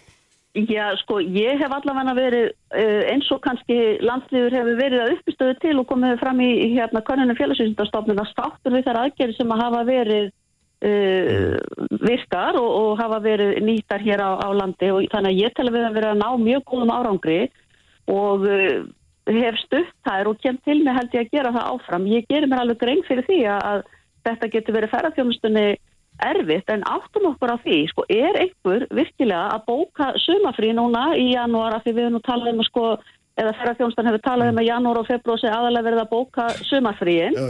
Uh, ég held nú almennt í heiminum að fólk sé ekki alveg að hugsa um sko hvert alltaf ég að ferðast núna. Ég held að ég ljósi þess að uh, faraldurinn er á uppleið hér allt í kringum okkur og miklu verri staða, mjög víða heldur en hér á Íslandi. Sannir það að við höfum verið að gera réttar hluti og ég held að stýrta á landamærum sé bara það sem að gildir sem að, og, og eins og ég segi, það hefur komið fram bara í þessum kannunum að fólk vil frekar losa um innanland. En þá erum við náttúrulega að horfa fram á glata sumar ef við haldum þessari, þessari, ég meina það blasir bara við að því að það eru næstu tverr mánuður eru bókunamánuðinir og ef þeir fyllast ekki þá, þá er, þá er sumari horfið eftir því sem er satt, ég er ekki sérfræðingur í ferðið þúnastur resturinn. Nei, en sjá til sko, e, það, það er verið, hvað er að gera svona í Danmark og Breitlandi og varðandi flugið og annars stík. Mm. Það er verið að herða á öllu. Þessna segir sko, þetta snýst ekki bara um landamærin á Íslandi. Þetta snýst mm. náttúrulega um stöðuna í heiminum að fólk er ekkert að fara að ég vil ekki sko, skipuleg flug nema mjög litlu leiti mm. og fólk er náttúrulega Uh, eins og sé faraldurinn miklu vextu og annað slikt, þannig að ég held að, að þetta sé ekki efst í huga uh, þjóð, uh, íslensku þjóðarnar er, eða annara að, að hérna, leggja landundir fót á þessum óvissu tímum hérna, þannig að það, það kannski bara gerist að einhverju leita sjálfu sér að ferða þjónustan verður í uppnámi en ef við getum, það getur orðið til þessa, þessar aðgerðir okkar getur orðið þess að létta á hérna innanlands, þá held ég að það sé lang mikilvægast auðvitað eru alltaf afleðingar og það, við sjáum það nú þegar það er verða áfram. Já. ég myndi auðvitað vilja að þetta bara snar lættaði núna með bólefnum og Já. öðru slíku þannig að allir getur bara aftlagt sumar og ferðað menn komið til landis. En við verðum bara að vera raunstæð það sé bara ekki, ekki, ekki að gera hvorki hér eða annars Nei, nei, hérna, hérna Anna Katrín, hérna er saman spurning til þín og þá líki því samingin og er eitthvað sænskuls fórsvarsmaður var ekki Fæsers nefn annan og ekki veða við kynna það hérna sem talaði við, þetta er klart bólusningin á Íslandi og Fæser var ekki í, hérna, í sumar og, og, og ef maður leggur þetta tvent saman þá sjáum við að við erum að sigla í annað glada sumar, eða ég sé ekki annað í bíli. Ég held að það liggi bara ef maður ætlar að vera með ja. einhvern hlut af raunsæðislegur og uppi þá er það með við það er aðgerið sem er að leggja á mm. borðið, þá er það þannig mm. og kannski sko er það þetta að, að við erum búin að fara í gegnum þess að fasa, það er smitin, það er sáttnáttana uh, viðbröðin og síðan er það bólusetningin og alltaf einhvern veginn lendur við þessu upplýsingu og óreiðu mm. og þetta er alveg hárið, þetta er náttúrulega algjörlega óþólandi að, að það skul ekki vera hægt að leggja þetta á borðið þannig að þeir sem er að taka ákvarðanir á endanum uh, með lögum, hertum lögum skul ekki hafa þær upplýsingar uh, sem eru til staða hverju sinni til að leggja eitthvað raunæft mat og vega og meta mismunandi þætti inn í þetta, maður er alltaf að taka einhvern veginn afstuð til afmarkast hluta og ég verð að segja að við auðvitað skipta bólusetningar áförum með en leikil Já, máli hér, við erum komið þanga og ég verð að segja að, að þráttur er sko að hafa staðið sig bísna vel oft og ágætlega annars þar í, í, í málun sem varða þennan stóra pakka þá hefur væntingast sko væntingastýring stjórnvalda þegar kemur á bólusendingum, hún fær fallengun en þess að þar eru við bara búin að vera að fá gríðarlega mismöndu upplýsingar einhver tiltökur þar sem stendur í samningu við livjaframlegendur sem er háð alls konar takmörkunum, einhver tala bara um einhverjar vonir raunverulega mm. og svo eru enn aðri sem tala um raunverulega afhendinga hérna uh, áallunna eins og hún mm. er út frá raunveruleikanum og þetta blandast allt einhvern veginn saman þannig að ég, við verðum að hafa raunsanna mynd af því, við erum búin að kaupa ná bólefni, þetta mm. snýstum hvernig bólusettu við sko, á, á hvað hraða það gerist, hér eru innviðið til staðar, þannig að flöskuhálsin er afhendingin. Hjá öðrum þjóðum þá er afhendingin kannski lægi, það er flöskuhálsin bólustengi sjálf. Erum við að tala við þessa þjóður til að mm -hmm. fá einhvers konar samstarf þar á milli? Mm -hmm. ég, meina, ég veit það ekki einu sinni. Ég veit ekki einu sinni hvort ég get benta á þar sé pottu brotina því ég veit ekki hver staðan er. En ég staðan er bara ekki selja góð, hún er ekki eins góð og menn vildi láta vera hérna fyrir einhverjum vikum og það er fyrst og fremst vegna bólusetningarinnar. Mm -hmm. Ég vil samt enda aðeins jákvæðinu og ég er ekki alveg svona svart sín vegna þess að ég held að við áttum okkur ekki alveg á því og ég veit svo smegt um það en ég uh, með gruna samt að þetta fara nú að ganga betur í bólusetningamálum út um allan heim sko og ég á framlegendum hana en uh, það sem er grundvallaratrið hér að við fáum að vita Uh, áallun með, með aðfending og þessu mm. og ég skil bara ekki akkur er ekki hægt að gera það ef ég panta með skirtu frá bandaríkjónum þá sé ég bara hvernig hún fer úr vöruhúsinu mm. og hvernig, hver hún er þetta þarf að liggja fyrir og það þarf líka að liggja fyrir hver áform stjórnvalda eru í tengslu með þessi, þessa bólusetningur hvað þýðir það ef það verður búið að bólusetja 20% þjóðunni þar af uh, alla eldri borgara og alla viðkvæma hvað þýðir það? Hefur það ekki gríðarlega áhrif mm. hér á landi? Ég myndi seg, halda það Uh, og uh, þá getur við farið að sigla fljótt út úr þessu vegna þess að bólusetningar uh, leiðin sem verður að mm. fylgja núna á Íslandi mm.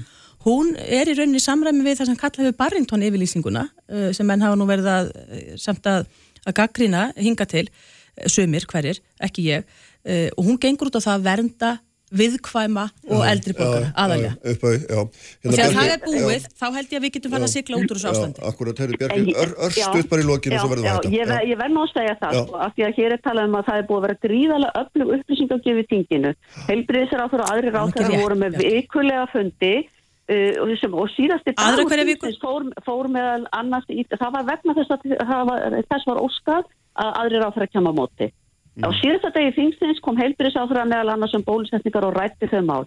Varðandi afhendingar þáttinn, ef að fólk er með opin auð og eyru þá veita það að við getum ekki verið með nákvæmar upplýsingar heldur en það eru hér upp á borðum inn á bólefni.is, inn í minnisblöðunum og öðru stíku og það var ætla að fara að fá hér bara hérna, afriðin af öllum símtölum fólksöku og stík.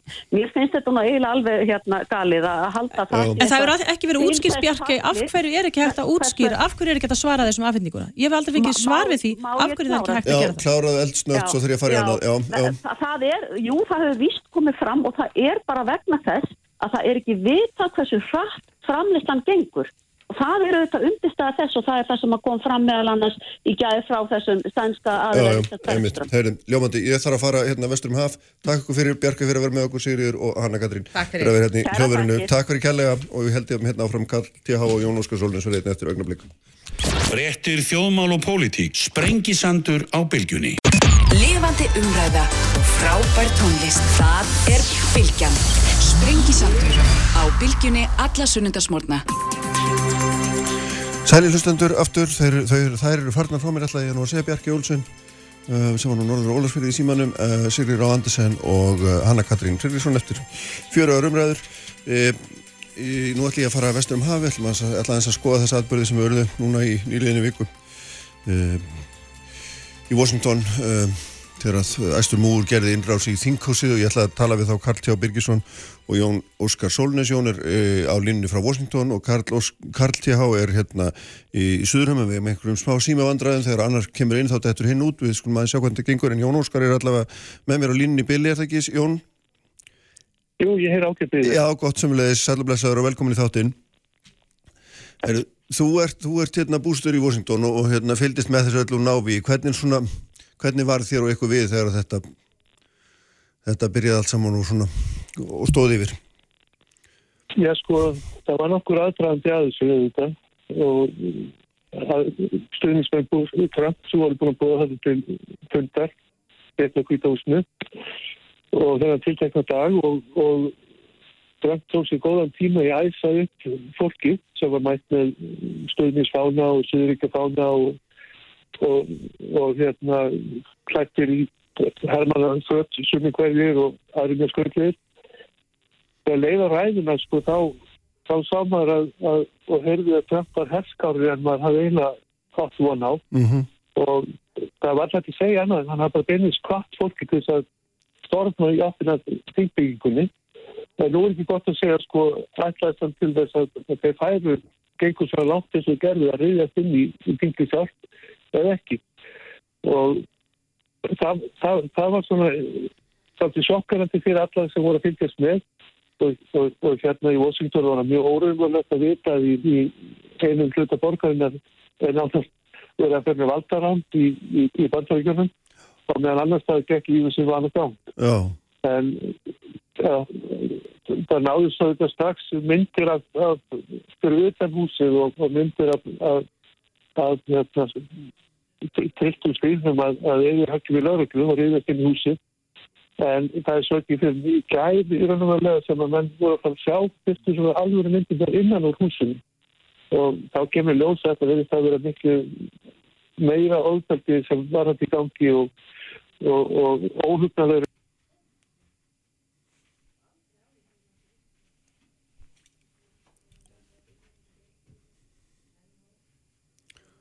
Jón, er það það? Nú er þess nú bara allt. Nú heyrist mér að hérna Jón Óskar Sólins hafi dottið út. Við erum að reyna að tengja þá saman hér yfir þvert yfir allasafið.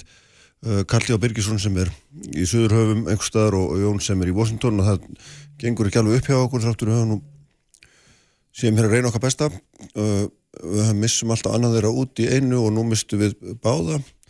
Það er nú verra ef ég þarf að masa hér sjálfur í síðustu 20 mínutu þáttanins, það er nú...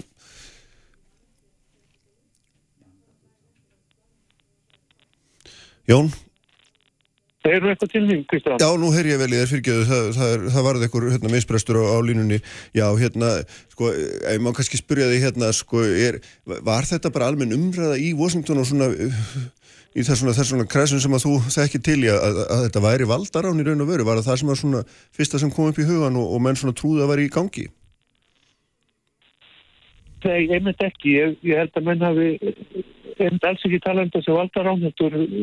Þetta er, svona múur að, að, sína, sko, gef, gef, láti ljós skoðanir sína með svona heldur gróttalegum hætti. Já, Ég held að Ég held að menn hafi ekki átt vonað að þetta myndi verða svona, menn að, að múur myndi rauðast inn í, í þingúsið en það er líka sem komið þetta óvart af það að, að miðað við hvernig hefur tekið á mótmælum sem í Washington í ár já, eh, þá var þessi viðspilna lögna mjög máttlítil og, og, og nánast engin.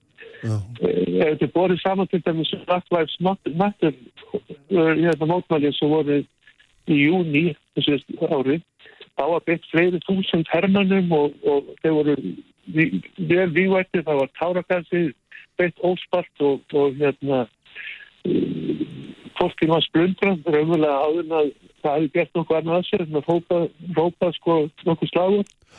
En svo þegar við sáum þess aðbyrður á viðbæðin þá þá var lögða fáliðið, þá voru frekar svona einfaldar málgirðingar og það var það, það svona var hægt þessu dætt í huga að að þetta væri með að, að, með, með ráði gert því að vartita voru fáraflega lélega og þess að með kom bara það sem að þekki þetta í bandaríkjum þannig að Þannig að það er ekki búin að svara spurningu um hvernig stóð á þessu. Það, það, það var mikið rætt um það í fjölmjölum á festudaginn og, og í gæð og yfir maður lögurku Dingsins sem við séum lögurku sveit er búin að segja af sér og nú er verið að kanna sko frekar í bóðilegur verið að verðt upp í hvernig stóða því að, að þjóðvælið er komið svona seint Mm. og, og líka aukin, aukin lögurstyrkur frá nákvæmna ríkjum tveimur Virginia Maryland. Já, Þannig að þetta var eitt alls eða klúður hjá,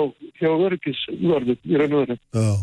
Karl, já, ertu komin hann á línun eitthvað staðar? Jú, jú, ég, er sæl. Já, frábært, þess að eru sæl, velkomin aftur í þáttinn. Er þið síðastur varst hjá mér, langar aðeins að hérna, byrja að nefna það fyrst útkomin inn hérna, þá, þá spáður þínu raun og veru svona beint og óbeint að hérna, til einhverja svona vopnar átaka, að mér finnst það verið mjög líklegt að kæmi til þeirra og Trump myndi einhvern veginn, jáfnvel held ég að hafa sagt að það myndi beita fyrir sig hernum og áður en hann er í borin út úr kvítahúsinu, kannski verða nú ekki svo langt en, en minnstu varst þið stappa nú nærrið í.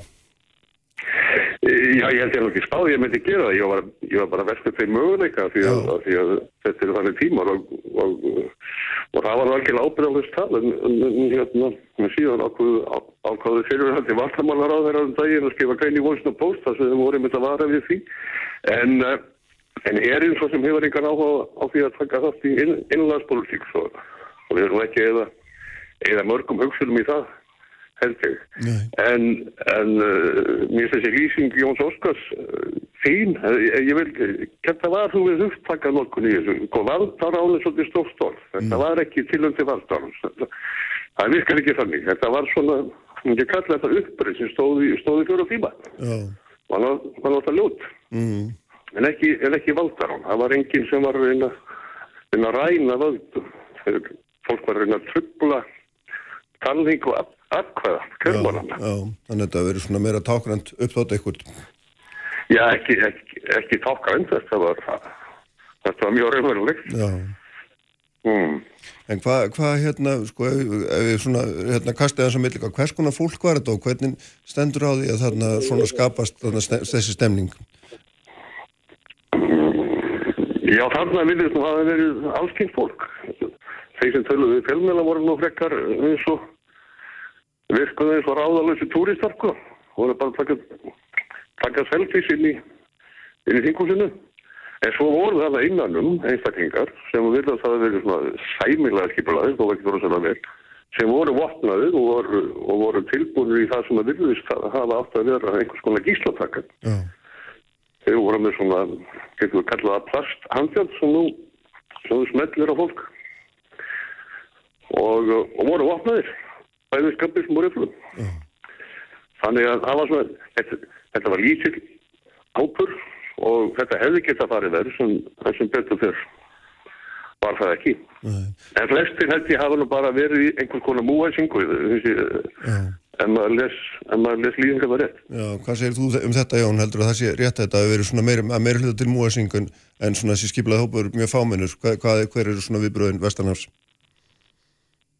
Ég sko í fyrsta lagi er, er ég alveg hjartalega sammála kalli að, að valdarán er of stórt var fyrir þetta. Uppvistum er, er sennilega rétt en uh, þetta stóði ákveðan klukkutíma auðvitað og, og, og, og það, það, það sem við veitum geta þess að það endaði náttúrulega flikar ólega. Það endaði með því að fólk gett út úr húsinu. Það voru fáður handtæknir, það voru nokkur tíur handtæknir. Það var fyrir að brjóta útgöngubannin sem að þá sem fólkastýra hafði sett. Og hérna heyrðist í mér eða? Já, já, heyrðist í þér, já. Já, já, ég, ég ætla að nefna það sem að segja sko að það voru einhverjir vopnaðir en það var einhver ekki, kom ekki til mikið vopnskaks sem betur þeir en einhvern síður voru nú fjórir sem letu lífið að minnstofasti og þar við einn lauruglumæður og, og það er náttúrulega litið mjög alvarlegum auðvum hér vestra þegar, þegar lauruglumæður fellur í átökum við mótmælindur mm. og það mun hafa einhver eftirkvæmst. Nú er búið að handtaka svona þá frægustu sem letur taka sér myndir á ábyrgustöðunum og þetta eru kvítur kallmenn á mínum aldri, á besta aldri sem ég og kall mm -hmm. og þú líka þetta. Þannig að þetta var kannski aldrei einsleitt en ég vildi gæta mér að nefna það þegar ég, ég horfið á þessu mótmæli byrja að það voru ungar konur líka sem voru mjög þú voru með tárin í augun hálf grátandi að, að, að mótmála því að, að kraftur er ekki fórsetti og tóku myndir af sér og tóku myndir af, af mm. öryggisverðum af stötti færi. Þetta er fólk sem er, sem er sannsært um að Trump hafi raun og verið unni kostið. Já, hvað hva heldur þú, hver heldur þú að arfleið Trumps verði, Karl, hérna, verður þessi klopningu sem hann hefur aldrei svona orðið tákgerfingu fyrir þó hann sé ekki uppásmaður að verður hann viðvarandi, ekstan, mingar ég veit þetta er svona stort en, en hvað hva heldur það svona, hvert, hvert heldur að framhaldi skól okkur? Já, kloppingurinn uh, hann fer ekkert, hann hefur verið þarna áratugum saman. Og, og eins og einhver áður að, að meðan það er nót til að miða þetta kvítum kallmannum eins og okkur þá, þá hérna þá skánar ástæðu ekki en það er talað um Trumpism ég veit ekki alveg, alveg hvað fólk á við, við með því því að Trump er ekki hann er eins og laukur og getur frísjóð og frísjóð og hún kemst að því að það er engin kjarni mm. það er engin hugmyndafræði það er engin sam, samrænd hugsun. Hann ná sér bara einn málstaf og hann heitir, heitir Trump. En jáfnveg þótt hann fari þá þá verður kloppingur þarna áfram og hann uh, að fíli til verði að það eru það er fjöldi fólk sem er sannfært, um að að Joe Biden sé ekki rétt kjörin fórstætti og, og fólk hefur nú greipið til til skelvelega aðgerða að minna til henni mm, mm. Hvað heldur þú um þetta Jón, heldur þetta sé þannig að núna, ef ekki maður getur varparið kenningu fram að demokrater þeir eru núna konið með öll, þeir eru konið með öll völd í sínar hendur, þeir eru með fórstan og báða deildirnar í þinginu að, og þeir þurfi ekki lengur að sko setja fram einhverja málaminnan til og sem að Joe Biden er reynda frægur fyrir að gera en, en það þarf ekki að að halda lengur, ég menna, mun þetta ekki bara, er ekki möguleik á því þegar minnst að þetta svona verði til að skerpa línunar frekar en frekar en eitthvað með hennar svona mikið eins og Biden kannski ætlaði sér nú með hann að var í kostningabáratunni Jú, það ver, verður þetta mikið skar skil áfram. Spurningin er verður trömpat í bakgrunni eða í borgrunni eða hvert verður hans hlutur. Nú er búin að loka fyrir á Twitter og, og það róast nú leikurinn mjög strax bara. En það er rétt að Joe Biden hann sá kannski fram á að þurfa að leita til republikana í, í öllumabildinni til þess að ná gegn og, og til dæmis að fá ráð þeirra og sendi þeirra samtíkta og dómara. Uh, hann, hann þarf ekki beinist á því að halda núna því að það er vist það, það, það getur stjórnað í, í tvö ár allavega með báðar byggtildur bak við sitt en reyndar er meirlutin er með kæpur á báðum stöðum og, og hérna í, í fulltróðeldin það er að demokrata reyndar törnur okkur fylg í síðuskostningum þar er meirlutin komið niður í svona öllabinn tíu manns og, og tíu þingmenn og, og, það er óróleg deilt sem vil sjá flokki fara lengra til vinstur í ymsumálum og vil sjá meiri framfæri í, í umhverfismálum. Þannig að bætið það líka svona aðeins að að vinni í því að og, og hans menn í, í þinginu að halda, halda hópin sko. En stóra spurningin er hvað verður með Trump? Og við sko náttúrulega því að, að nokkri þingmanna sérantóra republikana stiðja eins og Ted Cruz og, og, og hérna nokkur við bort á meðan til dæmis Lisa Murkowski sem var þetta þingmaður frá Alaska hún hefur sagt núna komið að tímamótum. Við verðum að losa okkur við, við Trump. Hann er búin að rústa fyrir okkur okkur flokknum. Við erum búin að tapa báðum þingfjöldum og kvítahústum nú verðum við að hreins okkur á Trump. Og hún, hún reyna að segja bara hún hætti sjálf í stjórnmálum ef, ef, ef flokkur nærkist vita sig frá hann þannig að þessi, þessi umræð er bara fullu uh, baki tjöldin. En á meðan líka hinn umræðin í gangi hvað verður um það? Verður impeachment? Verður 2015 aðkvæði nota ákvæði? það er margar, margar spurningar að það er gangi. Já, Já hann fyrir fangil það er ekki nokkuð löst Segðu þú okkur? Mm. Já, heldur þú það? Já, það eru, eru saksóknar á söður, á söður mannhatta sem býða býða róðir eftir því að hann láta ennbætti og hann verður ákjörðu fyrir skattsvík og, og bankasvindl og ímyndilegt annað. Mm. og það, það mun ganga á næstu árin. Já.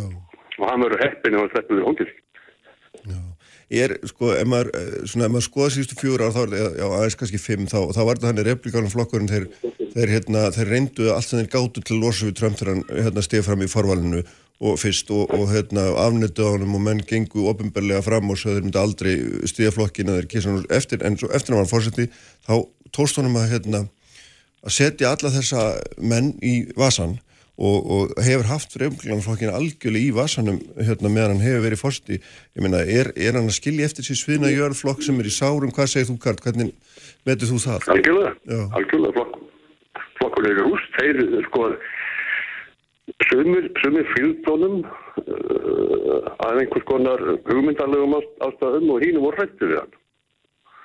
og rætti við, við andmælunum.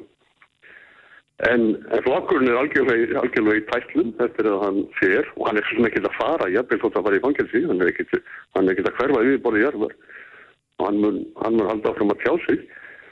En flokkurinn er algjörlega í rúst og hérna eins og, eins og Jón Óskar var að lýsa, sumi þar eru sannfætti tröndbistar en þá, aðrir, aðrir fagnar þeim degi líklega fyrst eða bara fer alveg. Já. Þetta er náttúrulega ennþá svo stórmerkileg spurning hérna, hvernig sko maður af þessum tóa getur orðið fórst í bandrækina. Já, já, horfðu, lítið er nær, horfðu til Pólans, horfðu til Ungurlands, horfðu til Brasilíu, þessi tegund af stjórnmálamönnum, hún á alltaf því miður reglulega aðganga kjósundum og fólk, fólk kýs alls konar stjórnmálamenn, því miður. Hvað, hérna, Jón, aðeins þegar við vorum að tala saman fyrir þáttinn, þá, þá nefndir þú að hérna, þessi svona trúðsmynd sem dreginur upp á Trump í Evrópu er mjög mikið svo mynd sem við höldum og hún væri gjör ólík þeirri mynd sem svona, er dregin upp á hann í bandaríkanum kannski, er, er, eða hvað? Já, hann er ólíkind að tóla Trump og skemmtikraftur að auðsverði, hann alltaf hefur verið ára tíu í sómarfi að skemmta árundum með stórkallarlegum yfirlýsingum og og hérna það er stundur spurning hvort það er takkan alvarlega því að hann er oft ítla upplýstur um mál og, og var það í uppgáð í fásinni til sinni. Og hann hafi svona meður tökluhald núna.